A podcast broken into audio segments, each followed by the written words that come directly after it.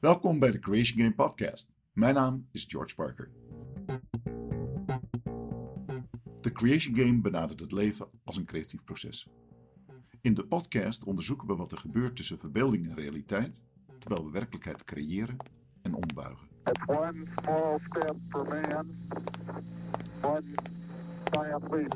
mankind.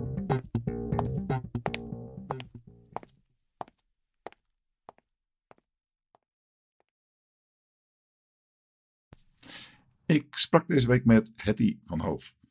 Hetty ken ik al een lange tijd. Ze is onder andere opdrachtgever, maar ook een vriendin. Ze heeft de laatste jaren bewogen jaren meegemaakt en spreekt openhartig over haar kanker en hoe ze daarmee is omgegaan.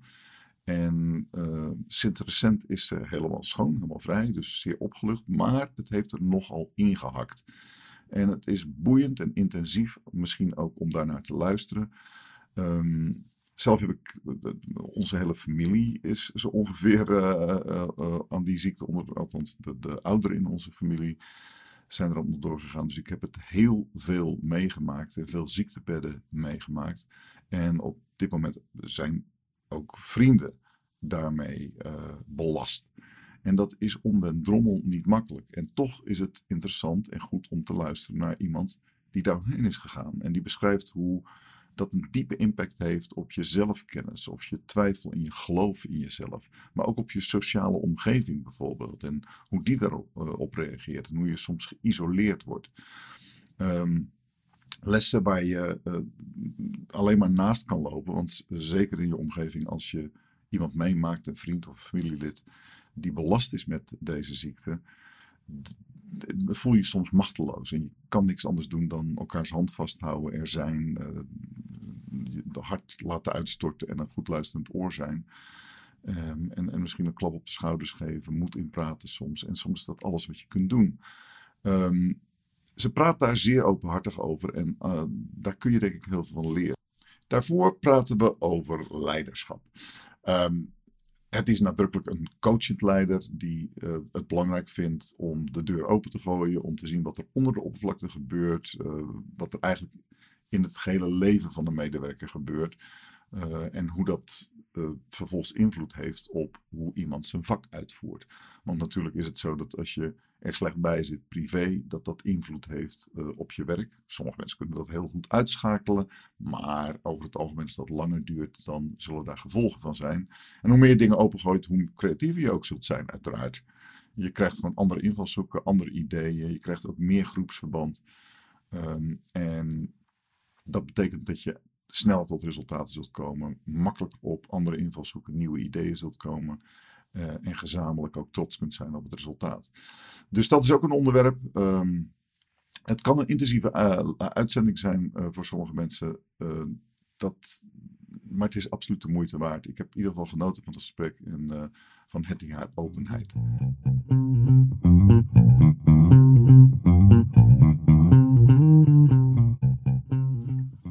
Welkom bij deze aflevering van de Crazy Game Podcast. Uh, vandaag is de gast Hetty van Hoof. Hetty en ik kennen elkaar uit het werk al een hele tijd.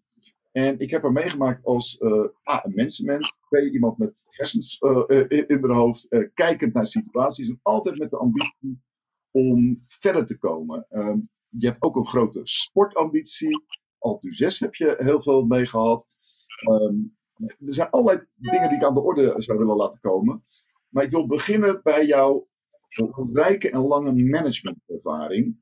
Omdat ik merk in de huidige realiteit zie je dat heel veel bedrijven eindelijk beginnen te beseffen dat misschien een andere manier dan directief leiding geven erg belangrijk is om mensen te activeren.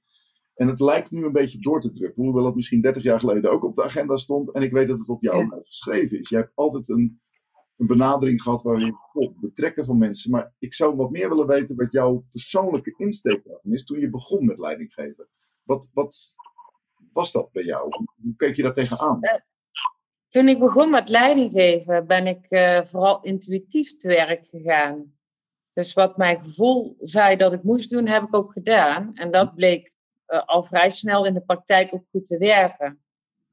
En wat je nu ook ziet qua ontwikkeling, is dat, uh, uh, dat de maatschappij steeds meer uh, eh, bestaat uit continu leren, dus continu ontwikkelen.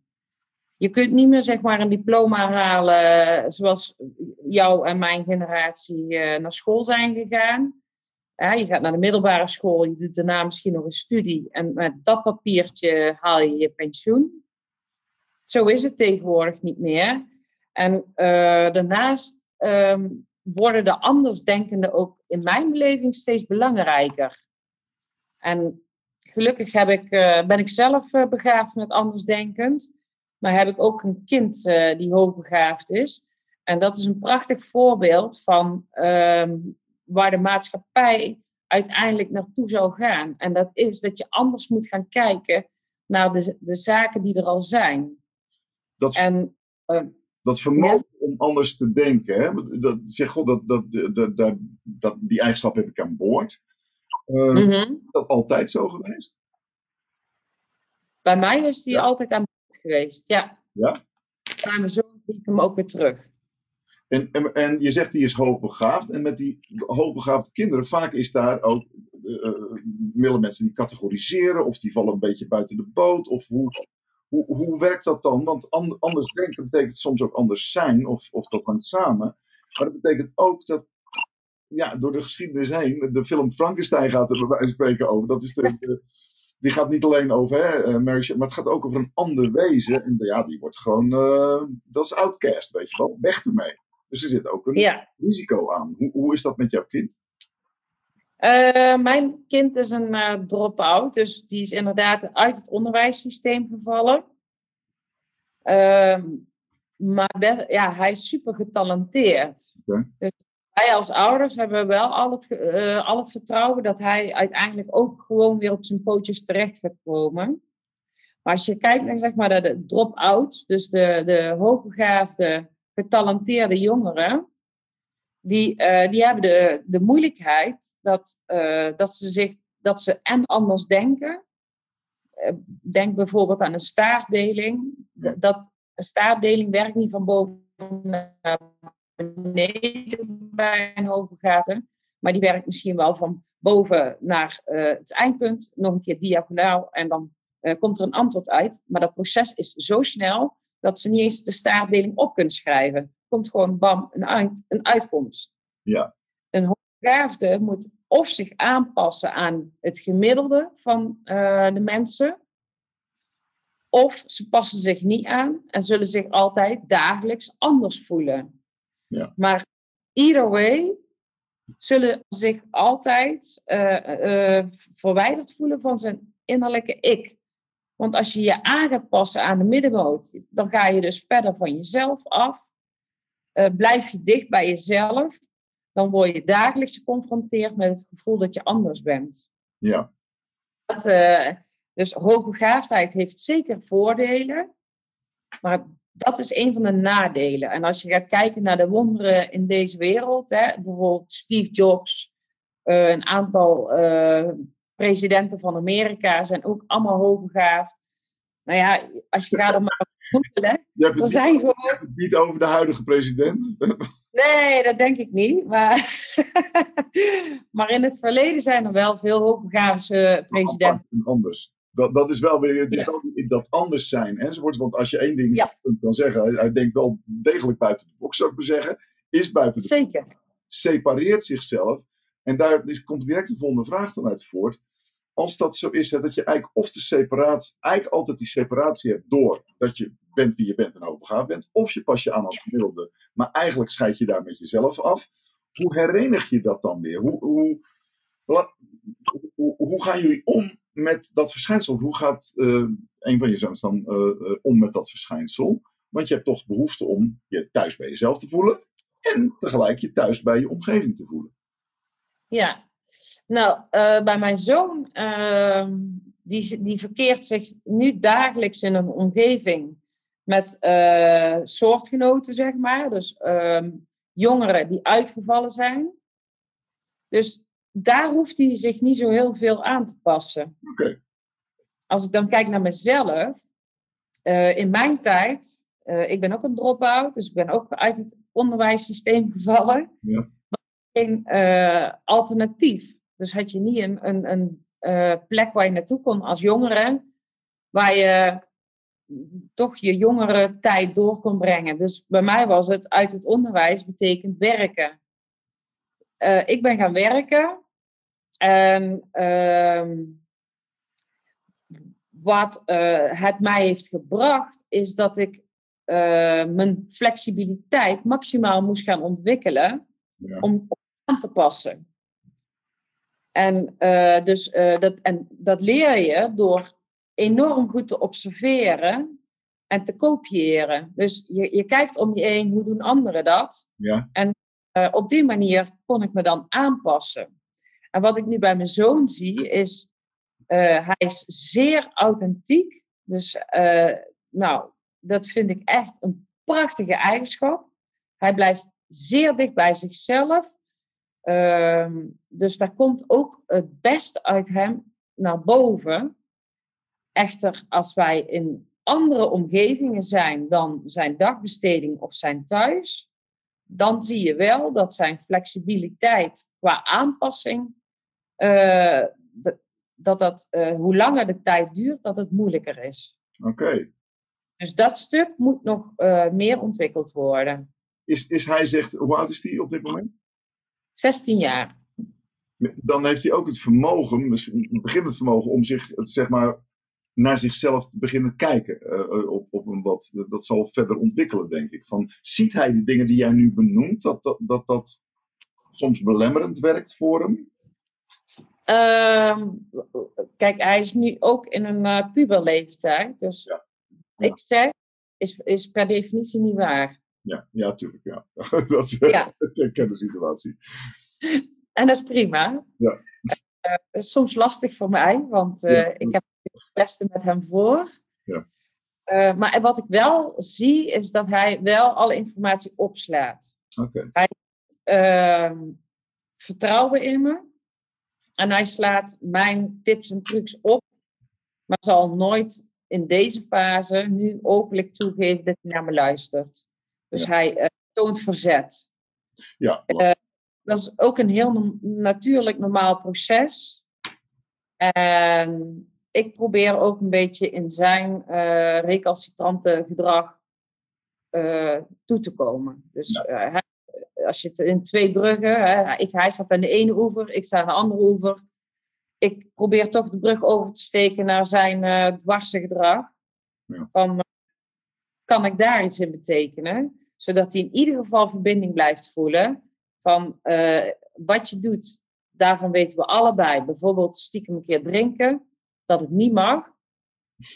En, eh, maar ik ga het niet afkeuren, want je weet zelf donders goed dat het niet mag. ja, ja, ja oké. Ja, Ook bij pubergedrag. nou nog. Ja. Wekelijks een tafereeltje wordt en eh, dat ik hier een kerel het dwars kruipend over de vloer heb, denk ik van, hè, accidenteel doet hij iets wat niet mag.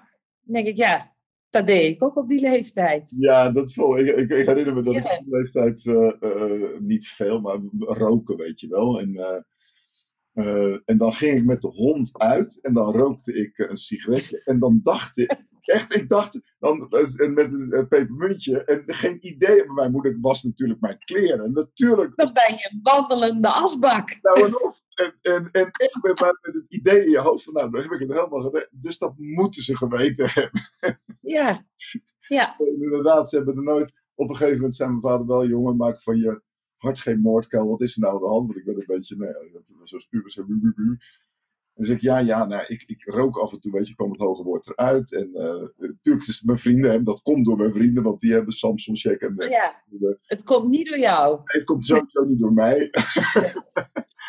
en, eh, en toen zei hij, weet je, dan spreken we nu af, dan mag je één per dag. Waarop mijn strategie natuurlijk was, eh, in de middag, nou, dat is dan met één per dag. En s'avonds, ja, doen we net alsof er een nieuwe dag is begonnen, weet je. Want dan kom je toch tot twee of drie of weet ik veel wat. Maar dus dat, dat is iets van, oké, ik zie het gebeuren. En die ontwikkeling moet natuurlijk ook gewoon plaatsvinden. Ja. Hoe is dat bij jou? Ja. Want heb jij ruimte voor jezelf gecreëerd om, om bij jezelf die flexibiliteit te laten ontwikkelen? Je zegt, intuïtief ben ik begonnen, hè? En ik zag dat Ja. het werkte, dus je meet het wel ergens aan of het werkt. Waar meet jij dan aan of, of, die, eh, of een aanpak werkt? Wat is, er- hoe observeer je dat? eh, aan, aan reacties van, van mijn omgeving. Ja. En ehm, als, je, als leidinggevende weet ik bijvoorbeeld dat in het begin eh, mijn voorkomen ehm, een averechtse werking heeft. Ja. Maar mijn aanwezigheid, de energie die ik bij me draag, mijn uitstraling is, is krachtig, ehm, kan als dominant ervaren worden. Dus het, eh, de, de, de eerste kennismaking is niet altijd de beste kennismaking. Nee. Uiteraard probeer ik daar wel rekening mee te houden. Zeker als ik eh, in professionele situaties ben. Door geen knalrooie kleren aan te trekken, maar toch iets meer schutkleur. Ja. En in ieder geval ehm, eh, iets door de kleuren die ik draag te temperen. Maar daarnaast ben ik wel wie ik ben. En eh, weet je, die kracht en, en eh, een overtuigingskracht wat je kunt interpreteren als dominant, dat ben ik ook. Dus ik ga het niet eh, verbloemen. Dit is wat ik ben. En ehm, ik hoop dat je de tijd en de ruimte neemt om me beter te leren kennen. Want dan kom je erachter dat ik een eh, ehm, zacht persoon ben, die goed kan eh, meelaveren op het, eh, het, ehm, het, eh, het empathische niveau van de groep. Ja, want je bent zelf daar zeer sensitief. Dat, dat lees jij goed, hè? Je, de, de Ik emoties. lees, ik lees groepen heel makkelijk. Als ik in- binnen een groep ben, hoeft de groep ook niks te zeggen. Nee. Dan, dan kan ik ze al lezen. Ja. En natuurlijk iedereen wil praten, want dat is een natuurlijke behoefte. Mensen willen kennis maken. Mensen willen met woorden iets eh, vertellen, omdat ze, dat dat de manier van communiceren lijkt te zijn Mhm. wat ik doe is veel meer op het intuïtieve. Dus inderdaad naar de eh, houding en gedrag kijken, Ja. eh, de non-verbale communicatie. En daarmee vorm ik het grootste beeld. Gebeurt dat met je ogen of gebeurt het ook met gevoel en de, de, de radiozender, zeg maar, eh, die, die energie en emotie opvangt? Is dat ook aan de hand? Alles. Ja. Als mensen bijvoorbeeld heel dicht bij mij gaan staan, dan maak ik altijd een grapje. Zeg, eh wil je een stapje naar achter doen, maar je staat in mijn aura. ja, die nabijheid. Zeker, ja, zeker bij mensen die, waar, die ik nog moet leren kennen. Op het moment dat ze te dicht bij me gaan staan, dan verstoor ik dat. Ja. Dus dan doe ik een stap naar achteren. Maar soms is er een muur achter je en dan kun je niet verder naar achteren. Steek klem. Nee, ja, daar zit natuurlijk altijd het gevaar in. Heel veel mensen zeggen, oh, dat voel ik aan. Er zit altijd die drempel tussen, naar mijn smaak en mijn ervaring ook. ehm, dat daar een vorm van projectie in voorkomt. Hè? Ik ben mijn verkeerde been naar bed gestapt. Ik kom in een groep. En ik zeg, nou, dat is ook, eh, die zijn allemaal zagrijnig. Eh, en, en dat ben ik vooral. En ik projecteer dat beeld op de groep. Hoe, hoe zuiver je dat eruit? Hoe weet jij of het echt iets is wat in de groep leeft? Hoe check je dat? Of dubbelcheck je dat? Of...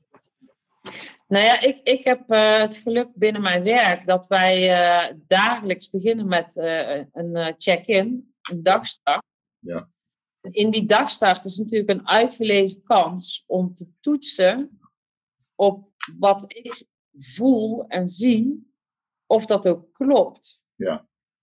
En ehm, dus daar, kan, daar zit een groot toetsmoment. En op het moment dat ik echt sterke signalen van een bepaald persoon voel, dan kan ik die naderhand nog één op één aanspreken. Van, goh, hoe gaat het met je? Ik, ik dacht dit of dat gezien te hebben, maar misschien zit ik ernaast. Tuurlijk, dat, eh, ik ga dat wel toetsen op het moment dat ik heel sterk een gevoel heb wat eh, afwijkend is van het gemiddelde wat we op een dag verwachten. Oké, want de meeste luisteraars die hebben hier gevoel mee en, en zien dit soort dingen. Er zijn natuurlijk ook managers in een organisatie die puur inhoudelijk managen. Die zeggen, joh, wat mensen voelen, dat zal wel, maar even Ja. de Excel-sheet afmaken of even Ja. dat afmaken. Terwijl het voor jou duidelijk een soort, ja, holistisch is misschien een, moeilijk woord daarvoor, maar je, je gebruikt eigenlijk, je, je houdt rekening met alle aspecten van mensen. Hun acties en gedrag, hun denken, hun voelen, eh, hun samenwerking, dus ook nog eens daarbuiten, zeg maar, zoals in een goed team. De kracht. Ja, dus er zit er In heel. welke kracht zit je vandaag? Ja, oké. Want dat is niet iedere dag hetzelfde. Als een medewerker bijvoorbeeld de hele nacht met een huilend kind heeft rondgelopen, dan kan ik me voorstellen dat hij de volgende dag zegt van nou, eh, laat mij wat eenvoudiger werk doen, want ik ben gewoon moe. En uh, kun je misschien ook een beetje mij links laten liggen, want, want ja, ik heb geen beste nacht achter de rug. Ik ben zo reinig. Ja. Wil iemand ruilen van werk, zodat ik in mijn kracht sta, terwijl iemand anders misschien uh, als, als een razende roeland uit bed is gestapt en die zegt van ik wil juist heel energiek vandaag mijn werk doen, kan ik een andere klus krijgen. Ja. Dat je met je persoonlijke krachten ook rekening houdt per dag. Ja. En daar maak je eerder gebruik van dan dat je zegt van nou, weet je, dat, dit is natuurlijk een voorbeeld van oh, het, het is even lastig of er een thuissituatie, weet ik veel, overlijdenssituatie, Ja. veel, er is van alles aan de hand. En dat mee, maar je zegt niet van oké, dat ontkennen we of dat zetten we apart of we wachten, maar ik gebruik het in de maaltijd als het ware om de maaltijd beter te maken. En vandaag kan je Ja, zout bijdragen, morgen kan je misschien de kip bijdragen. En, ehm, dus dat, maar dat betekent wel dat je continu zo'n check-in moet hebben. ja. En als die er niet is, of al zou ik die gemist hebben, dan, eh, ja, dan loop ik eigenlijk een paar keer een rondje over de vloer heen, door de operatie heen. Ja. En dan eh, pak ik het ook op. En dan maak ik misschien wel een praatje, of, maar op die manier toets ik het dan. Want die hoge frequentie zeg maar, van inchecken, dat, dat is inderdaad, dat hoort veel bij moderne management. Hè? Wat is het vandaag nog steeds aan de hand? En dan kun je natuurlijk allerlei termen aanhangen als agile en toestanden, maar het is natuurlijk van alle tijden al. En dat is ook als, dat iteratieve, adaptieve, flexibele wat je zegt, dat is eigenlijk al 60 jaar wordt er over geschreven en is het eh, aan de hand. Het lijkt alleen nu onontkoombaar te zijn. Daar begon ik ook mee. Van, het lijkt aan de hand te zijn, maar heel veel mensen en de mensen die ik ken, doen dat al een hele tijd. Ze krijgen alleen nu een soort gehoor. En soms ook niet. Dus je zegt elke dag inchecken. De groep lezen en kijken hoe ik van hun kracht gebruik kan gaan maken. Dus twee vragen erover. Laat ik be- beginnen met de eerste. Doe je dat ook met jezelf? Inchecken met jezelf en kijken welke kracht vandaag aan de orde is die het beste bijdraagt aan het resultaat. Eh, nee. Ik zeg, ik nee. Ehm, ik denk dat ik eh, in de ochtend eh, nu eigenlijk de ochtend laat komen zoals die komt. Oké. Op het moment dat ik eh, aan het werk ga, dan, eh, dan check ik wel in, s ochtends. Maar momenteel, eh, nu werk ik even niet. Ja. Dus dan laat ik de ochtend gewoon ontstaan. Als ik aan het werk ga, dan, dan, dan begin ik er eigenlijk de avond van tevoren al mee. Van, kijk ik even in mijn agenda van wat is het plan morgen? En daarmee ga ik slapen. De volgende ochtend word ik wakker. En dan pas ik mijn ochtendprogramma ook daarop aan. Ja. Moet ik vandaag energie leveren? Hè? Moet ik, eh, heb ik heel veel afspraken waarbij iets van me verwacht wordt? Of ga ik gewoon in de operatie aan de slag? Dat zijn ja, voor mij twee verschillende dingen. Ja. Ehm, wat gaan we doen? Gaan we strak in het regime eh, verder denken of gaan we creëren? En daar hou ik rekening mee. Oké. Als jij kijkt naar de groep, hoe ontvangen die zo'n check-in? Want ik kan me voorstellen dat er ook type mensen tussen zitten van eh, zucht, zucht, moet het weer? En, eh, of, of ontstaat er iets in de groep? Denk oh, dat is toch prettig dat het eh, gebeurt. Het hoeft ook niet lang, het hoeft ook niet diep, maar het is wel even... God, dit zijn de praktische taken die we misschien moeten doen. Maar jij zegt, dat gaat over energie, emotie, instelling van de dag, zou ik maar zeggen. Het zijn veel meer, zo'n attitude is een cultuuraspect. Je, je- Ja. Als je in de sport kijkt, bij wijze van spreken, waar we het zo ook over zullen hebben de ene team is nou eenmaal eh, opgewekter, aanvallender en, en heeft gewoon een andere cultuur, een opene cultuur, dan een ander team bij wijze van Ja. spreken. En dat zie je terug in de, eh, in de eh, prestaties ook vaak. Het, Ja. het veld, of hoe, hoe, hoe ontvangen mensen dat, medewerkers, hoe, hoe zitten die erin? Ehm, dat, dat ligt ook aan de mate van vertrouwen in de groep. Ja, goed eh, is daar eh, een vertrouwensband ontstaan?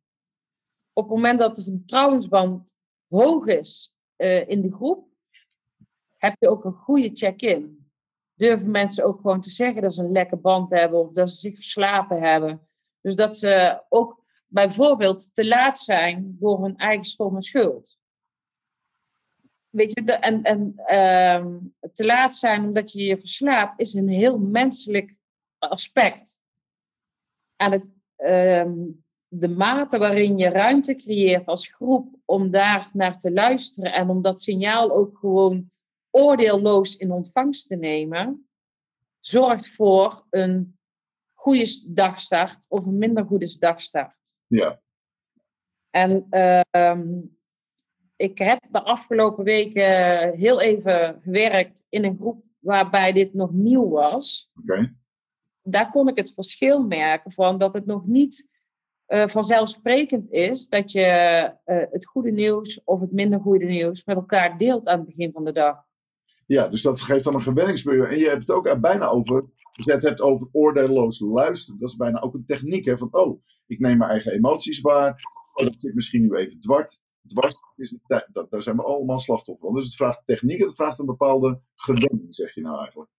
Gewenning en um, het oordeelloos luisteren zorgt er ook voor dat je dus nog extra moet gaan toetsen, wil je er een waarde aan hangen. Wil je, uh, en, en daardoor ontstaat er hele mooie interactie. Ja. Op het moment dat je oordeelloos met elkaar luistert, ontstaan er vragen om te kijken, begrijp ik goed wat je nu zegt. Ja. Dan krijg je een uh, hele mooie stabiele basis van. En um, en heel veel, veel meer begrip voor elkaar. En respect voor elkaars nukken en, en positieve punten. Dat heeft, je zegt dat heeft een, een positieve invloed op de samenwerking, begrip van elkaar. Dat, dat je Ja. handleiding een klein beetje meer kent, doordat je daar open over bent. Die leer je steeds beter kennen. Want eh, op het moment dat je eh, een, bijvoorbeeld een medewerker continu hoort van een huilkind. Ja. Op een gegeven moment ga je gewoon weten van, oh ja, die heeft kleine kinderen. Nou, eh, probeer je daar een voorstelling van te maken. Een huishouden met kleine kinderen. Terwijl ik bijvoorbeeld een huishouden heb met puberkinderen. Ja. Dat is een hele andere dynamiek. Ja. Ik, ik kan natuurlijk veel meer rekenen op zelfstandige kinderen. Dus als er een keer geen bord eten klaar staat, dan is er geen man overboord. Terwijl kleine kinderen zul je dag en nacht moeten verzorgen. Ja. Dus die hebben een, een, een thuissituatie die veel meer van ze vraagt dan van mij. En op het moment, hoe beter je elkaar leert kennen, hoe meer rekening je ermee kunt houden. En super mooi. Ik vind het heel mooi als je, als je uh, een slagje dieper elkaar leert kennen en daar ook op durft te vertrouwen dat het goed is. Het is goed zoals je bent.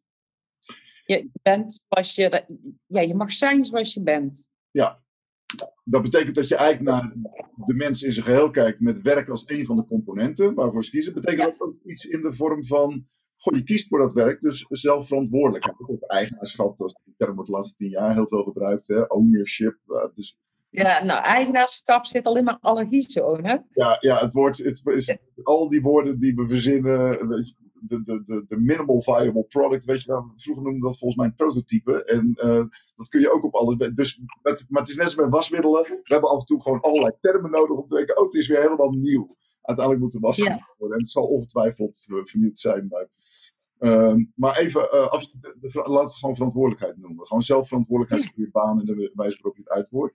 Uitvoert. Nou ja, en ook, eh, je, het is jouw keuze om dat werk te doen. Oké. Ik als leidinggevende faciliteer en help bij het eh, werk doen. Maar jou, eh, het is jouw keuze. Dus op het moment dat je ook denkt van, nou, ik ben ontevreden, dan, dan faciliteer ik om daar samen naar te kijken. Waar zit die ontevredenheid en, waar, en ligt die echt in de basis? Is dat een structurele ontevredenheid of heb je gewoon drie dagen slecht geslapen? Ja. En daardoor wat zagrijniger geworden. Ja. Op het moment dat het structureel in de basis ligt, dan, dan ga je met elkaar in gesprek van, goh, maar past dit werk dan nog bij je? Ja. En dat is een hele eerlijke vraag. Zonder te denken van, ik moet weg. Ja. Dat, je, wil, uh, je wil gewoon met elkaar een fijne samenwerking. En, je, en ik wil graag dat iedereen lekker in zijn vel op de juiste plek zit.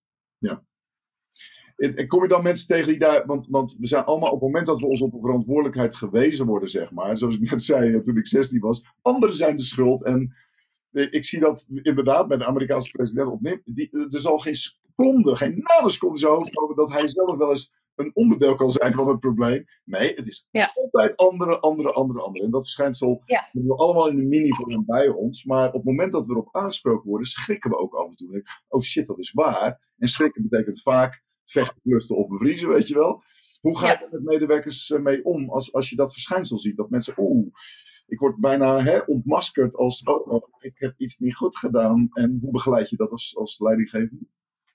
Ehm, op het moment dat mensen daarvan schrikken, dan, eh, dan eh, lijkt het erop dat ze dus niet gewend zijn om een open en eerlijk gesprek te voeren over ehm, eh, hun ontevredenheid. Ja.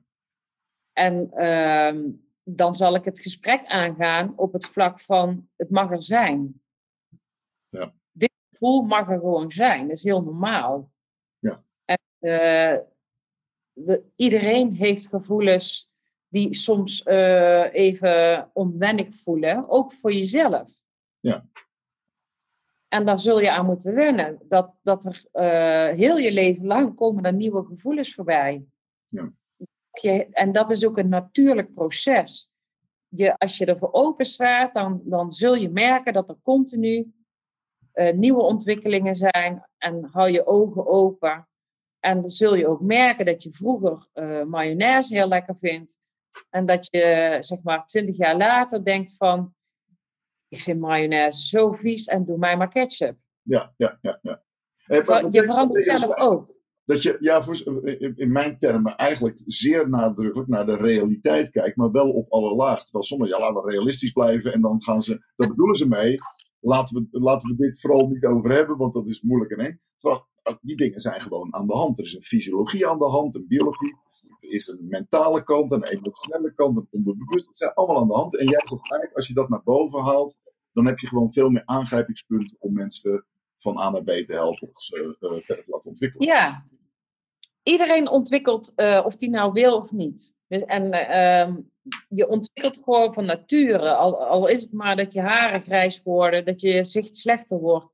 En je brein wordt anders. En je smaakvermogen wordt anders. Ja. Tegenwoordig worden we door de werkgevers ook gestimuleerd om ook nog te leren. Dus ook daar treedt een verandering op. Ja. En eh, de verandering met open armen ontvangen. Dus je kunt je bootje gewoon mee laten varen op, op die veranderingen. Of je kunt verzet tonen.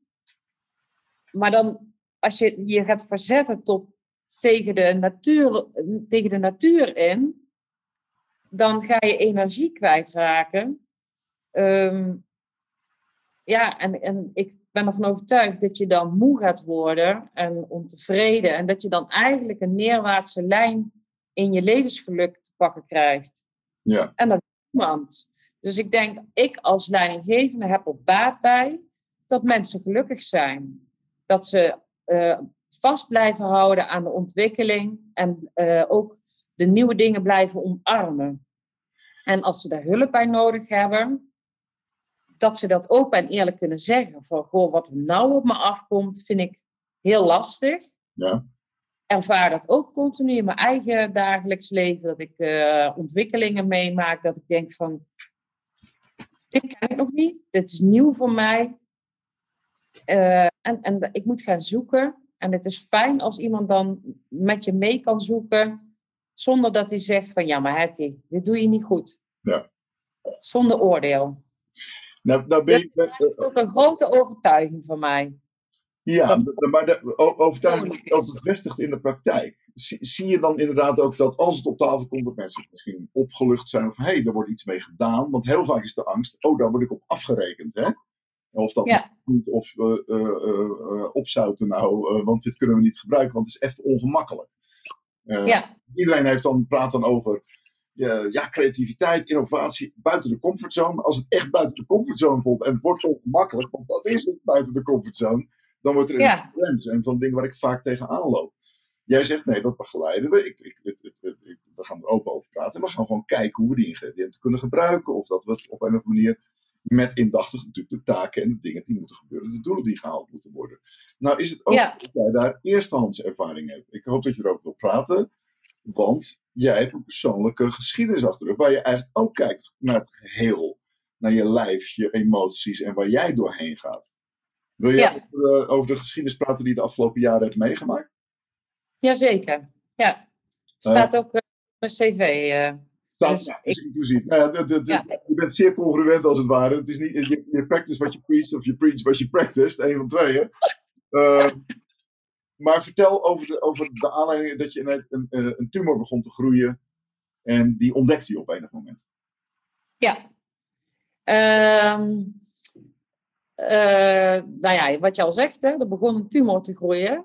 En ehm, je kunt dat zeg maar heel feitelijk eh, en vanuit de wetenschap eh, bekijken. En dat is het feit eh, dat je kanker hebt en dat je daar iets aan moet doen. Ja. Maar ik ben ook verder gaan kijken van waarom, waarom is die tumor gaan groei- groeien en wanneer is die tumor gaan groeien. En gelukkig hebben we ook de wetenschap. Hè, dus je kunt ook op basis van de tumoreigenschappen kun je de wetenschap erop naslaan hoe snel een tumor groeit. En dus het is niet zo dat wij zonder wetenschap kunnen. Die wetenschap is gewoon heel handig. Daar kun je je voordeel mee doen. Dat heb ik ook gedaan. Dus ik ben gaan kijken. Eh, ik had meerdere tumoren. De grootste, die heb ik als uitgangspunt gepakt. Wanneer is die ongeveer gaan groeien? En die is ongeveer gaan groeien toen mijn intuïtie zei dat mijn vader ernstig ziek was. Ja? Het is in juni 2011 geweest, begin juni. Ja. En eh, dat is natuurlijk heel raar. Ehm, ik heb toen mijn broer op een gegeven moment eh, gebeld van wil je alsjeblieft naar me toe komen, want ik moet je iets vertellen. En ehm, wat wij in die tijd altijd deden, als het echt heavy shit was, was gewoon een fles wijn op tafel zetten en dan de boot delen Oké. fles wijn klaargezet. En eh, ik schenk twee wijntjes in. Ik zeg, ja Rob, ik, zeg, eh, ik moet jou iets vertellen. Ik zeg, ik ben ervan overtuigd dat eh, ons pap kanker heeft. Ja. En, dat zit in zijn slokdarm of in zijn maag. En ik zie hem doodgaan. En dat is natuurlijk heel vreemd. Als je dat zomaar uit het niets zegt. Ja. Vond mijn broer ook. Dus die zegt van, oh Hetty, je bent echt overspannen. Ja. Dat kan. Dat, dat mag je denken. Maar dit is wat ik denk. Mijn man daarentegen, die, zat er, die, die, die was er ook bij. Die denkt, ja, ik ken Hetty al langer dan vandaag. En die heb ik ook al met onze kinderen, toen ze klein waren en nog niet konden spreken, naar het ziekenhuis zien redden. Op het moment dat haar intuïtie zei, met dit kind is iets ernstigs mis. En dat bleek ook altijd zo te zijn. Dus mijn man die zei niks. Die liet gewoon het gebeuren. En eh, die was oordeelloos in het gesprek aanwezig. Die, ga- die ging niet tegen mijn broer zeggen van... Wat jij nou zegt is niet waar. En ook niet tegen mij. Dus dat lieten we gewoon zo gebeuren. Ik, nou, dus wij sluiten dat gesprek af. Even goede vrienden. Jij jouw waarneming, ik mijn waarneming. Helaas eh, bleek ik gelijk te hebben en eind september wordt er bij mijn vader maagkanker geconstateerd. Wat ik in begin juni al vertelde. Ja. En in februari is hij overleden. Dus Wow. dat ziekteproces van eh, constateren door de wetenschap Ja. tot lijden is 4,5 maand geweest. Als ik terugtel, is bij mij zeg maar eh, op het moment dat ik het begon te voelen dat mijn vader ziek was, is er bij mij ook eh, negatieve energie in mijn lijf aanwezig geweest. Want ik voelde me heel machteloos. Mhm. Ik- Iets, ik zag iets, maar ik kon er niks mee. Nee. Ehm, ik weet dat het ehm, voor heel veel mensen ehm, onbegrijpelijk klinkt als ik zeg dat het een met het ander samenhangt. Ja. En Maar ik ben daar wel van overtuigd dat, dat eh, het holistisch benaderen van ieder als persoon, Ja. dat, dat jou, jouw mens zijn, jouw, jouw lichaam, een samenwerking is van meerdere elementen. Ja. Mijn vader was een bijzonder belangrijk persoon voor mij. Echt een heel groot persoon.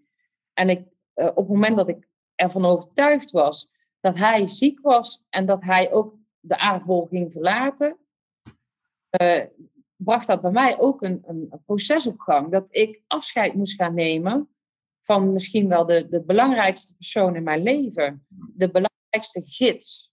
Ik denk dat dat het, de juiste benaming is. En, en, Mijn- en iets van, van veiligheid. De- de- de ouders hebben vaak een functie, hè? De, de, zelfs in je mentale wereld van je ouders zijn een soort beeld van veiligheid. En, en Ja, mijn vader was inderdaad veiligheid.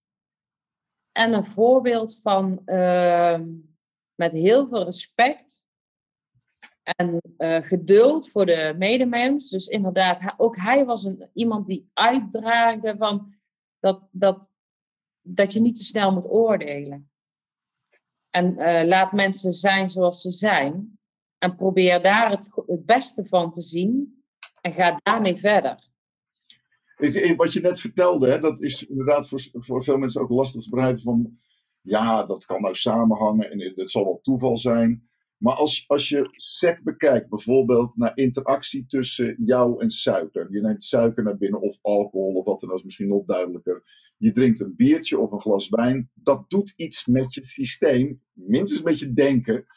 Eh, en het doet ook iets met je cel. Dus in die interactie zit ook iets. En tussen mensen ook. Ik bedoel, er is, dat noemen ze in, in- wij hebben daar niet echt een woord van. Ja, we noemen het chemie, maar de Engelsen noemen dat chemistry. Er is een chemistry. En dat is Ja. eh, letterlijker dan we dat opvatten. God, wij noemen het vaak een klik, weet je wel. Maar zij noemen het Ja. En dat zit dichter, denk ik, bij de waarheid. Het is een soort biochemische overeenkomst. We, we werken lekker op elkaar in. We, we voelen ons. Dus het heeft een emotionele component, een mentale component, een houdingscomponent, waarschijnlijk ook een biologische component. In ieder geval, Absoluut. dat is een van de dingen die ik tussen mij en mijn partner denk. Ja, er zit absoluut een biologische eh, passendheid in. Ja, Bij wijze van spreken, ze, ze, is medicijn voor mij en andersom. En dat is natuurlijk een gelukkige situatie. En dat heb je in mindere mate als je minder intiem bij elkaar bent. Is dat natuurlijk ja, ook zo. Hey, dat klikt. Of er is chemistry. En daar wordt bijvoorbeeld bij de, ik ben een groot eh, National Football League, American Football fan. De, de locker room, de kleedkamer, het, de gesprekken die je daar hebt, gaan over de emoties en gaan over de dingen. Want op het veld heb ik dan die nanoseconde twijfel niet, waardoor het wel werkt, weet je wel. Dus er zijn ook die elementen aan het woord. En in de kleedkamer hangen ook, vero- ja, ook allerlei eh, geuren. Ja, nou nog. Pheromonen. Ja, ja, ja, ja, klopt. Dus dat Ja. loopt in elkaar. En ik heb natuurlijk altijd gejudo'd. Nou, dan baat je me ongeveer in elkaar zweet, bij spreken. Er is iets wat verder gaat dan alleen maar... wat- Dat kun je ontkennen, prima. Maar je Ja, een paar voorbeelden te noemen. Zegt, er is een verband tussen denken en lijf. Ja, dat zo. Niet een direct lineair verband. Hè, maar als jij denkt aan lekker eten, je krijgt kwijl in je mond. Dan weet je dat er een verband is. Hoe dat verband ligt, hartstikke complex. Daar gaan we niet over. Maar wel dat er een verband is. En als je het begint te ontkennen. Ja. Dus ja, wat jij zegt, voor mij is het eigenlijk wel logisch. Hé, er ontstaat iets met een emotionele impact. Die mogelijk nog dieper gaat dan je beseft het op dat moment. Mijn vader is belangrijk. En, en wie weet heeft dat, want we hebben allemaal kankercellen in ons lichaam. Iedereen heeft dat. De manier waarop het gestart wordt en dat in werking komt, ja, daar zijn we ook niet uit. Het is ongelooflijk complex. Veel boeken over geschreven die de wijsheid in pacht lijken te hebben, maar we weten het niet echt. En Nee. ieder mens heeft daar ook een uniek DNA, maar jij zegt, ik ben bewust geworden daarvan. Ik zag Ja. wat aan de hand was, ik ben het gaan backtracken. Wat is dan je volgende stap geweest toen je ontdekte, oh, er is iets in mijn lijf gekomen nu en het manifesteert zich. eh, eh, veel later natuurlijk, maar ik, ik ga dat Ja. tot dat moment. Wat zijn toen je stappen geweest? Want je schrikt natuurlijk wel. eh, zeker. Dat is de, een enorme schok. Ehm, en dat, ik realiseerde me, zeg maar, wat een diagnose als deze teweeg kan brengen. Ja. Ik denk dat kan bijvoorbeeld hysterie eh, teweeg brengen. Maar, maar dat was niet aanwezig op het moment van diagnose. En ik denk, nou Hetty, eh, pak dit moment, zolang je niet hysterisch bent, om eh, nu na te gaan denken wat je volgende stap gaat zijn. Ja, Want ik was er wel van overtuigd dat ik een moment van hysterie zou krijgen. Want je, je, ja, je weet niet wat voor vonnis je hebt gekregen. Is het een doodvonnis? Of is het een onderbreking en mag je daarna weer door? Dat weet je niet, dat zul je ook nooit weten. Nee. Dus eh, de garantie die ik heb is tot aan de deurdrempel. En met die wetenschap ga je verder. Wat ik op dat moment gedaan heb, is ehm, de regie in handen genomen. Ja. En eh, ik, ben, ik was al eh, verdie- verdiept in kanker door mijn betrokkenheid bij Alpu 6. Ja. Dus 2006 was ik al in, in de kankerwereld aanwezig, zeg maar, eh, waarbij ik ook veel gesprekken met kwalitatieve patiënten heb gevoerd, waarbij ik mee heb gelezen in onderzoeksresultaten. Dus de hele kankerscene is voor mij niet vreemd. Nee. En daar zit geen taboe op. Nee. En eh, ja, nu, nu was ik in één keer zelf eh, onderwerp van gesprek. En dat is natuurlijk heel vreemd. Als je al tien jaar aan de zijlijn staat, of al langer. En nu ben je zelf in één keer, eh, hoor je tot de doelgroep. Ja. Ehm, ik heb geluisterd naar wat de artsen dachten dat het beste voor me was.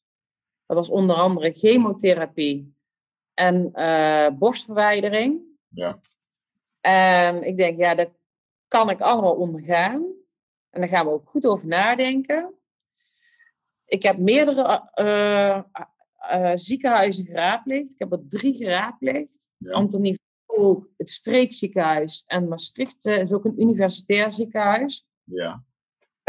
En die drie ziekenhuizen, die heb ik op een rij gezet. En, en de behandeling varieerde van borstsparend opereren tot eh, volledige amputatie. Ja. Tot ehm, eh, misschien geen chemo, wel chemo. Dus eigenlijk alle smaakjes zaten in mijn behandeling. Ik denk, ja, Hetty, jij zal hier een beslissing in moeten nemen en niet het ziekenhuis. Je moet doen wat jij denkt dat het beste is voor mezelf. Uiteindelijk ehm, heb ik gekozen voor chemo. Heb ik ook heel, echt wel even goed over nagedacht. Is dit wat ik wil? En achteraf moet ik je eerlijk bekennen dat eh, je niet weet wanneer je kiest voor chemo, waar je voor kiest. ja. Ik had daar een extra verdiepingsslag op moeten maken. Had En dat- had ik niet gedaan. Omdat chemo eh, naast de goede eigenschappen van dat die eh, zwervende cellen ook meeneemt in de behandeling, eh, chemo natuurlijk ook heel veel kapot maakt. En dat ik eh, bewust was van het feit dat chemo dingen kapot maakt, dus eh, goed, goede cellen aanvalt, daar was ik me van bewust. En daardoor ben ik me gaan focussen op mijn voeding en op mijn beweging. Ik ben tijdens het chemoproces ben ik gaan vasten. Even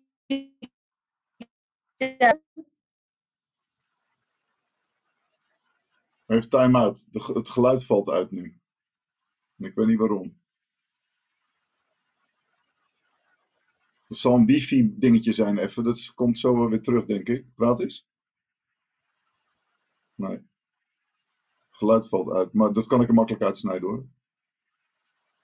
Maar. Wifi gaat soms op en neer, weet je wel. Het kan, eh, je, Ik hoor je niet. Ja, nu gaat hij weer terug, hè? Nu is hij weer terug. Alsof er een. Begin met de zin. Ik ben toen gaan vasten. ja, ik ben gaan vasten. En dat houdt in eh, niet eten. En alleen water, eh, thee van kruiden. Ik dronk ook cafeïnevrije koffie. En zelfgetrokken bouillon, zonder e- enige toegevoegingen. Dus eh bouillon van heel veel groenten, maar de groenten gooide ik weg en het water dronk ik op. Eh, en dat heeft als voordeel dat je lichaam, voordat hij chemo krijgt, in een ketonenverbranding gaat. Ja. Die gaat in vetverbranding. Ja. Kankercellen leven alleen maar op suiker. En op het moment dat je geen suikertoevoer meer hebt, worden de kankercellen heel zwak. En je eh, goede cellen worden heel sterk. Want die krijgen in één keer geen voedingswaarde meer. En die gaan in een standje overleving. Dus in plaats van onze welvaartpositie van de gezonde cel, we, we doen maar 60% effort leveren, Mhm. gaan ze 100% in de overlevingsstand. Dus je goede cellen, die gaan extra sterk zijn. En op dag, einde dag drie krijg je dan chemo toegediend, waardoor de goede cellen minder hard worden geraakt en de kankercellen des te harder. Omdat die al drie dagen geen suiker hebben ontvangen. Dus de suiker, eh, de, de voedingswaarde van de kankercellen is niet meer. En daar komt dan de chemo en die, ja, die raakt de kankercellen extra hard. Je bent, bent minder, minder met de mitrailleur bezig en meer met scherp schieten. Met, met, dat, dat is eigenlijk de opzet een beetje.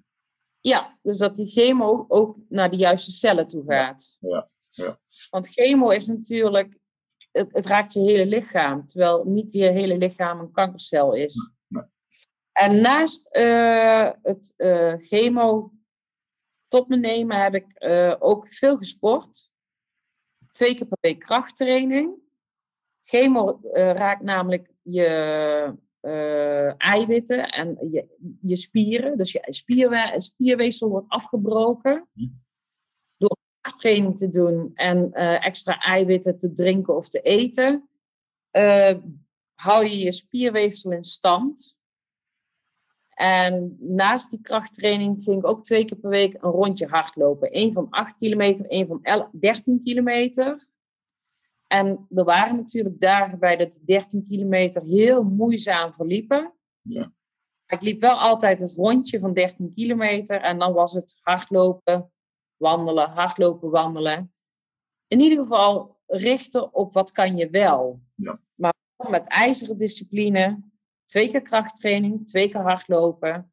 En dan vooral gericht, wat kan je wel?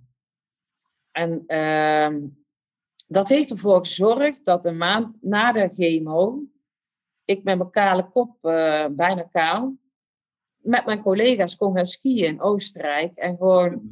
Ja, ja. op de skis heb gestaan. En eh, eh, ik naar een wielrenweekend kon gaan. En twee dagen op een wielrenfiets heb gezeten en in de Ardennen heb kunnen klimmen. Ja.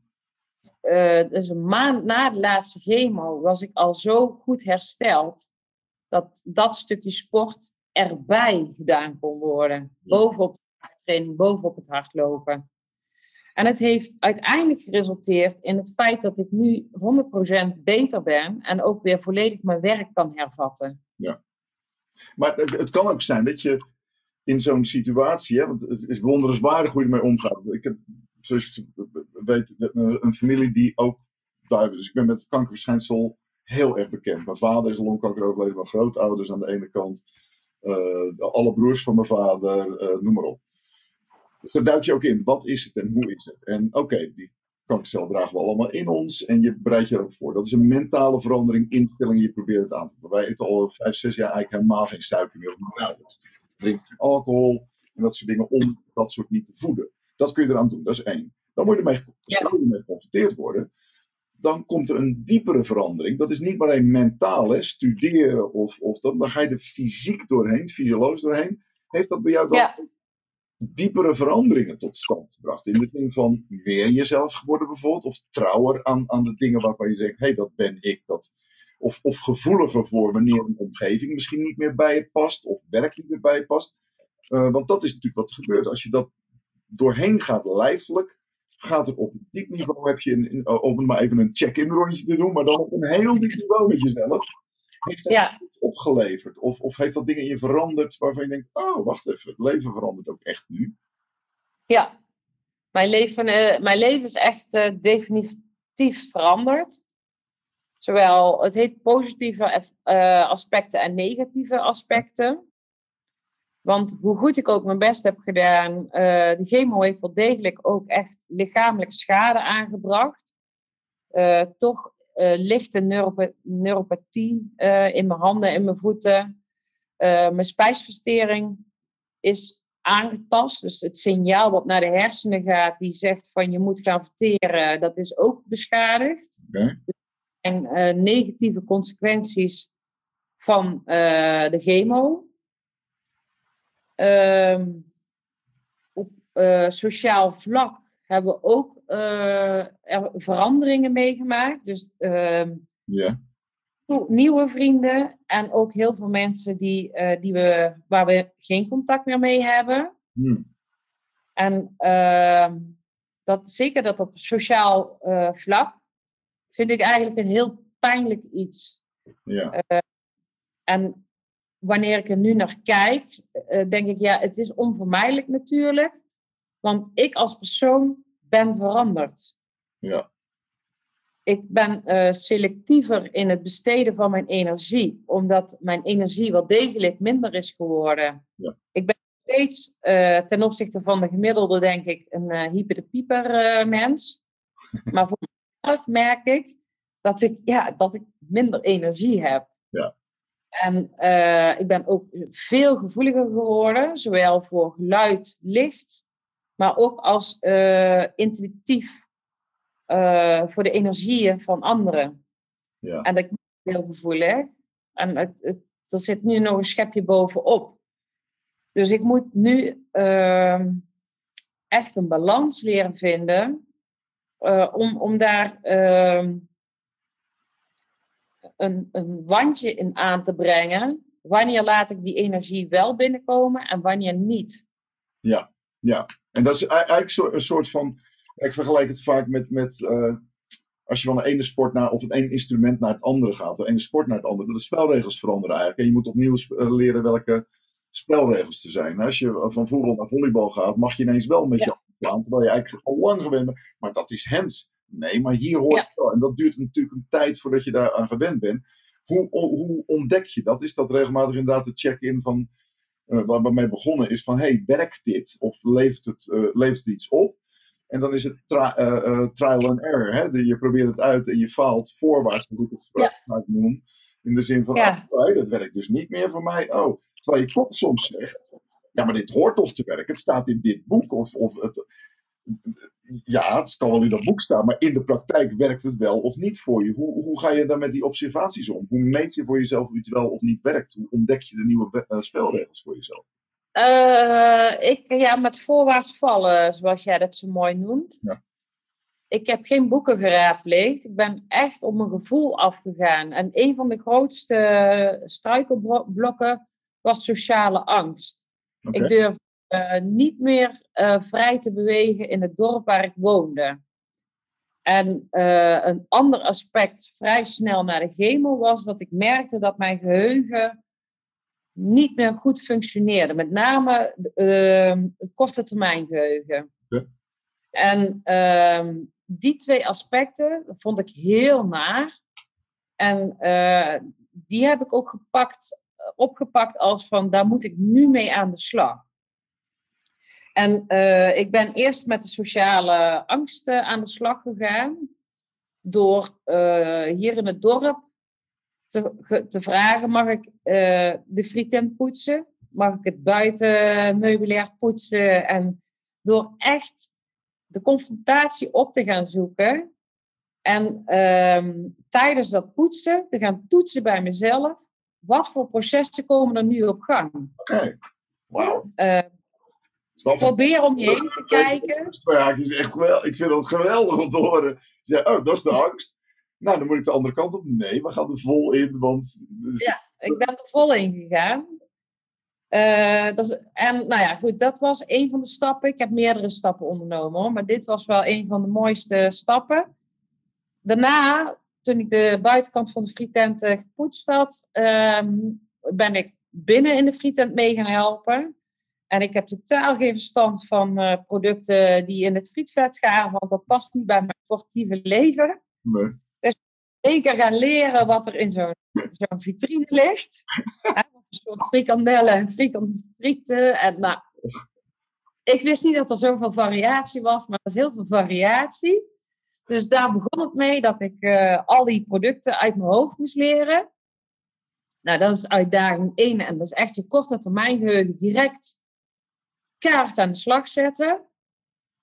En als er dan een klant binnenkomt, eh, gaan leren om die bestelling te onthouden. In het begin deed ik dat dan nog met bloknoot. Ja. Ging, eh, schreef ik wel mee. En langzaamaan ging ik de bloknoot met pen eh, aan de kant houden. En ging toch proberen te oefenen om dat vanuit het hoofd te reproduceren. En de methodiek van klaarmaken was natuurlijk ook iets wat ik moest onthouden. Friet gooien zo in de frietpan en Ja, ja. zo is het klaar. En een snack vertoont deze eigenschappen en dan is het klaar. Dus eigenlijk ehm eh, praktijkhandelingen gaan, gaan oefenen. En hoe goed kan je bestellingen onthouden? Eh, en dan ook nog eens uitvoerend zijn. En dan ook aan de juiste klant de juiste producten teruggeven. ja, het klinkt allemaal, eh, Mini-training in de zin Ja, van... Ja, klinkt maar op het moment dat je merkt dat je brein beschadigd is, denk je van ja, dat wil ik niet. nee. Mee gewerkt worden. Kijk, wat mijn fysieke toestand was hartstikke goed door het sporten. Ja. Maar ja, brein was ik even vergeten van, oh verrek, die heeft ook een klap gehad. Die moet ook weer in de activatiemodus eh, komen. Dat, maar dat is wel een kenmerk van jou wat ik al die tijd ken. eh, eh, of je het nou zelf weet of niet. Maar voor mij is het vrij duidelijk. Oh, dat is iemand met hart, ziel, focus. Linksom of rechtsom. Ik, ik kom uit Rotterdam, dus ik, ik, straight shooters noemen we dat. Weet je wel? De, leg het op tafel en dat is het. Dat is altijd makkelijk om mee om te gaan, vind ik. Niet altijd voor alle mensen om je heen. Nee. Dat je zo direct bent. Hoe, hoe reageert zo'n omgeving erop? Het feit dat iemand zegt. Friet en maar hide in je hersen, terwijl het voor jou een hele duidelijke, heldere functie heeft. En je denkt, oh, hier word ik beter van, het werkt, wat het ook is. Ik ga erin werken en ik eh, train. Hoe, hoe is je omgeving? Dus je man en je kinderen daar, eh, of, of die sociale omgeving noemde je net. Eh, nou, ik had natuurlijk niet zo'n grote sociale omgeving, dus daar hoefde ik niks tegen te vertellen. Ehm, mijn man en mijn kinderen vonden het fantastisch, want die wisten waar ik last van had. Dus die vonden dat gewoon ja, een hele normale actie. Ja. Goed dat gaat trainen. Ja. Ook mijn leidinggevende bij de Rabobank, die, eh, die heb ik eigenlijk vanaf dag één meegenomen in alle hobbels die ik tegenkwam. Ja, die moest altijd maar lachen. Wat heb je nou weer verzonnen? heel inventief, ja. de volgende stap te kunnen.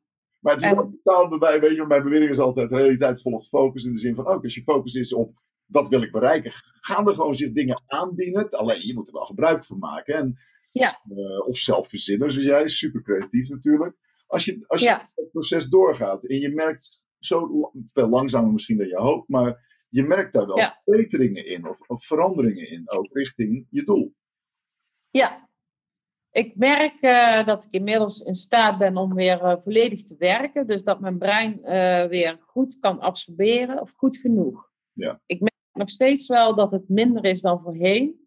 Maar het functioneert in ieder geval alweer bovengemiddeld snel. En dat is iets wat mijn zoon en ik gemeen hebben. Dat wij bovengemiddeld snel schakelen in het brein. Maar voor mij natuurlijk nog niet snel genoeg. Maar toch. Ja, Maar ze- dat hoor je ook vaak van, hey, als, als één zintuig uitvalt, worden anderen sterker. Of dat nou waar is of niet. Maar het is wel een mooi beeld hiervoor. Het moment dat, dat de denkkracht, merk je ook bij mensen als hun rationaliteit. Bij mijn schoonvader bijvoorbeeld, die is gezegende leeftijd van 99 jaar. Jappenkamp gezeten. Dat eigenlijk altijd onder de moeite om erover te praten. Wel ding, heel veel dingen gedaan om het eh, te verwerken. Maar op het laatst werd zijn denkkracht minder snel. Maar hij werd daardoor emotioneel veel toegankelijker en veel makkelijker voor mij om te benaderen in ieder geval. Eh, ik hou zielsveel van die man, maar het is wel, of hield, nou, eh, zijn er bij jou andere eigenschappen dan versterkt onder invloed van misschien een brein wat niet helemaal meer de snelheid had die je gewend was? Ehm, ja, ik ben heel gevoelig geworden. Ja, En eh, een, een stuk kwetsbaarder. Oké. En ehm, zeg maar de veranderingen die ik de afgelopen jaren heb ervaren, in combinatie nu met het hervatten van het werk, is ook weer een verandering. Ehm, komt er een, een acceptatieproces op gang. Wat ik dus kennelijk nog niet helemaal heb afgerond. oké. Ehm, want met mijn nieuwe kwetsbare houding moet ik ook weer eh, een plek vinden in de groep van werkende mensen. Ja. En dat is moeilijk. Ja, dus dat heeft weer met die veranderde spelregels te maken. Dus je moet jezelf opnieuw leren kennen, zou ik maar zeggen, in de nieuwe situatie. In de nieuwe situatie, ja. Dus dat betekent een hoop puzzelwerk natuurlijk. Je vragen stellen aan, aan jezelf. Ja. Uitproberen. Misschien ga je de volgende keer in de bloementent werken of op, op, op het eh, platteland. Want dat zijn wel dingen die. Je hebt heel veel eh, kwaliteiten aan boord die hierbij helpen. Even afgezien van. Ik, ik ben natuurlijk mijn leven lang eh, zwaar gesport en zwaar competitief geweest. Dus voor mij gaat het sowieso altijd te langzaam. En, en eh, presteer ik ook altijd onder wat ik eigenlijk zou willen en kunnen, zeg maar. Dat is altijd het streefniveau. Dus op zich is dat wel een prettige eigenschap. Het explorerende, het, het recht in het gezicht kijken. Ja. En de alle eigenschappen waar we de eerste eh, tijd over hebben gepraat. Namelijk het geheel zien. eh, de samenhang zien. En, de, en ja, de onderkant van de oppervlakte zien. Als jij nu naar je toekomst kijkt. eh, en je zou puur fantaseren. Hè, van, eh, stel, die toekomst even open ligt. Even niet naar de realiteit kijken van het verleden. Je hebt dingen achter de rug. Maar je zou, ik zou je een magische toverstaf geven. Je hebt een blanco canvas, een blanco wereld. Er is niks ingevuld. Het is één- wit. Wat zijn dan de aspecten en de dingen of mensen of omstandigheden, activiteiten? Hoe zou je die wereld inkleuren met die toverstaf als elke gedachte werkelijkheid werd? Idealiter. idealiter zou ik eh, met mijn gezin eh, op een boerderij wonen.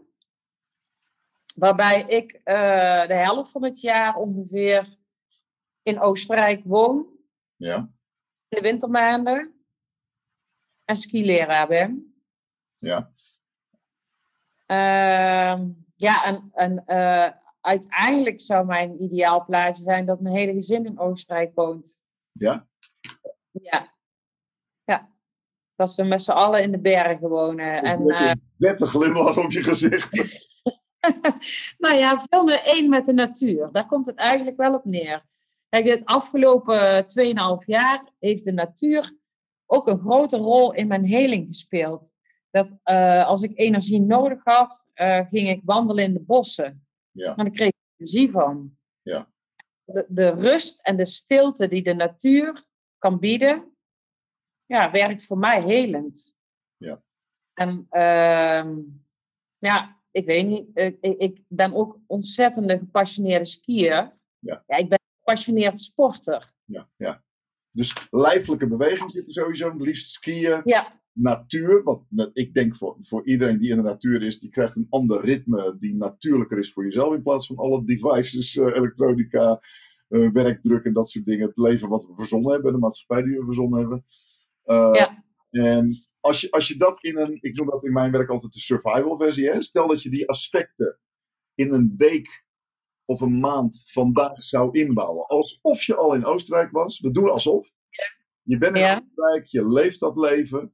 Wat kun je dan maximaal komende, wat zou je dan eh, komende maand doen om die aspecten maximaal in te bouwen? Het sportieve het, het, eh, en het natuur, eh, de natuur, zeg maar. Hoe, hoe zou je dat in kunnen bouwen in een, bijvoorbeeld een baan? het sportieve heb ik sowieso in mijn privéleven als rode draad. Ja, Dus op, op vele aspecten ben ik sportief aan de slag. Dus niet eenzijdig met een sport of zo, maar met verschillende sporten. Mhm. Eh, ik, ik doe onder andere aan softbal. En softbal doe ik niet alleen omdat het spelletje zo ontzettend leuk is. Maar het heeft ook een ontwikkeld as- aspect eh, voor mezelf. En dat is eh, het werken met een team. ja, ja. Dus samen gaan voor een resultaat waarbij je merkt dat iedereen een ander resultaat voor ogen heeft. Ja. En daar dan toch een eenheid te voelen. Ja. En eh, het is eigenlijk tr- zo terug te kopiëren op de werkvloer. Want er zijn natuurlijk mensen die werken omwille van een boterham. En als ik kijk naar mezelf, ik werk niet voor mijn boterham. Ik werk echt eh, omdat, ik, omdat ik daar ontzettend veel plezier en voldoening uit haal. Ja. Eh, en ook een stukje eigenwaarde. Ik doe ertoe. Ik wil gewoon graag bijdragen aan de maatschappij. En ehm, ja, dat doe ik onder andere met werken. Hoe zou je het, eh, eh, zo richting de afronding toe, maar hoe zou je de natuur kunnen... Ik heb bijvoorbeeld vroeger vergaderingen, weet je, we gaan wandelen een uurtje in dat park, wat heel klein is, of in dat bos. En dat was de vergadering, weet je wel. En, en Ja. dan, dan eh, gewoon notitieblokken mee. Ik ging gewoon organiseren dat we zuurstofproefden, de natuur zagen enzovoort. Het werden ook natuurlijk Ja. gesprekken, zou ik maar zeggen. Ik snap best dat dat niet altijd kan, maar hoe zou je maximaal de natuur in, in werk kunnen inbouwen, in jouw geval? Nou, eh, wat, wat jij zegt, hè, ehm, ik heb de afgelopen weken eigenlijk alle bila's, ik denk op twee na, wandelend in een park gedaan. Ja. Inderdaad, als het maar enigszins kan. Ik heb zelfs nog in een rookhol gestaan, want het begon het te regenen. Ja. Stond ik met de aannemer in het rookhol en ehm, die vond het vervolgens heel lastig om te roken in het bijzijn van de leidinggevende. Ik zeg, ja, zeg, dat moet niet uitmaken. Ik zeg, ik ben meer of minder dan jij. Dus dat is een ontwikkelpuntje. dus dat doe ik al eh, inderdaad. Eh, wanneer ik naar buiten kan, ga ik naar buiten met, eh, met mijn collega's. Ehm, eh, het, wat ik ook heel belangrijk vind, en dat heeft dan minder met de natuur te maken, maar altijd in, dat, dat ik communiceer in de wij-vorm. Oké. Ja. En dat wij collegiaal met elkaar omgaan en niet met jullie en ik. Ja. En wat ik ook eh, op het programma heb staan voor mezelf, maar daar zit nog een voorwaarde aan, en eh, dat ik eh, de komende weken beter nog in balans moet zijn. Ja. Als het lukt, dan ga ik 9 tot, 19 tot 29 november een opleiding tot skileraar doen Oh ja? ik, ja, mijn vakantieweken die ik bij, de, bij, de, bij mijn werkgever heb. En dat zijn nog twaalf weken. En die wil ik zinvol besteden. En natuurlijk ga ik die ook aan het gezin besteden. Maar dat ik ook af en toe een week naar Oostenrijk kan om skileraar eh, te zijn. Dan, eh, dan speel ik eigenlijk eh, ja, in op mijn behoeftes. Yes. Ik ben in de bergen. Ik ben dienend aan andere mensen. Vind ik fantastisch. Hè? Ik, ik kan ze mijn passie overbrengen. En, eh, en nou ja, het, het, het is niet eh, eh, dat ik daar rijk van word, maar het, ook- ja, het dekt wat kosten door, door skileraar te zijn. Monetair is het een ander verhaal dan qua energie zie ik je alleen maar groeien. En volgens mij is dat een rijkdom op zichzelf die veel mensen ook wel erkennen hoor. Van, oh wacht even, als ik me op mijn gemak voel, mijn kwaliteiten komen ervoor. Dat is een mooi rond verhaal trouwens. Want dat doe je met een. Je laat ze tot hun recht komen, alles ligt op tafel. Ja. Je met je kinderen, weet je wel. Tuurlijk, pu- puberen, dat is nu eenmaal. Dat, ik was ook een hele vervelende puber volgens mij. Deuren slaand, eigenwijs, de wereld draait om mij. En ik heb het gelijk eh, de, de wijsheid gebracht. Eh, even afgezien daarvan ben ik wel natuurlijk bezig met, met die community. We doen het samen, we zijn deel van een grote geheel. In, Ja, in eh, afsluitend daarmee is, is wat mij, het grotere geheel ziet er voor mij altijd als een mozaïek of een stripalbum uit. Elk plaatje heeft wel degelijk zijn individualiteit. En het opgaan in het grotere geheel, dat kan zijn als een druppel water in de zee. Dat is een ander beeld dan een stripplaatje met zijn eigen identiteit in een groter verhaal. Eh, ja, dan ga je niet op in de zee en bent onherkenbaar, maar je bent zeer herkenbaar. Sterker nog, je moet herkenbaar zijn in dat verhaal als plaatje. Want als alle plaatjes Ja. hetzelfde waren, was het geen verhaal. Dus eh, volgens mij, dat is het beeld wat ik ook altijd van je had. In de zin van een sterke ego, maar ontzettend sociaal open en, en eh, de, de, de, ik noem het altijd mentale vrijpartijen met elkaar hebben, zodat er iets beter uitkomt dan we apart kunnen verzinnen. dankjewel. Mooi compliment. Ja, ja, fantastisch. Het was, ik ben je dankbaar voor je tijd en eh, het gesprek, want ik ben heel blij met je openheid en je directheid daarin. Eh, voor mij is het uitermate fascinerend en plezierig om even nog weer wat meer details te horen. Dus dank je voor je tijd en energie. Heel graag gedaan. En eh, nou ja, ik hoop dat, dat er naar geluisterd wordt. Mensen die dit horen, hebben zeker geluisterd. Ja. Ja, dankjewel. Als je vragen of opmerkingen hebt, spreek die dan in met eventueel je naam op 06 23 63 83 81. En ik doe mijn best om er in een volgende podcast aandacht aan te besteden. Wil je meer weten over inspiratieshows en de Creation Game training en begeleiding? Ga dan naar georgeparker.nl. Heb het goed deze week in de wereld tussen verbeelding en realiteit. Tot de volgende keer. One small step for man, one for.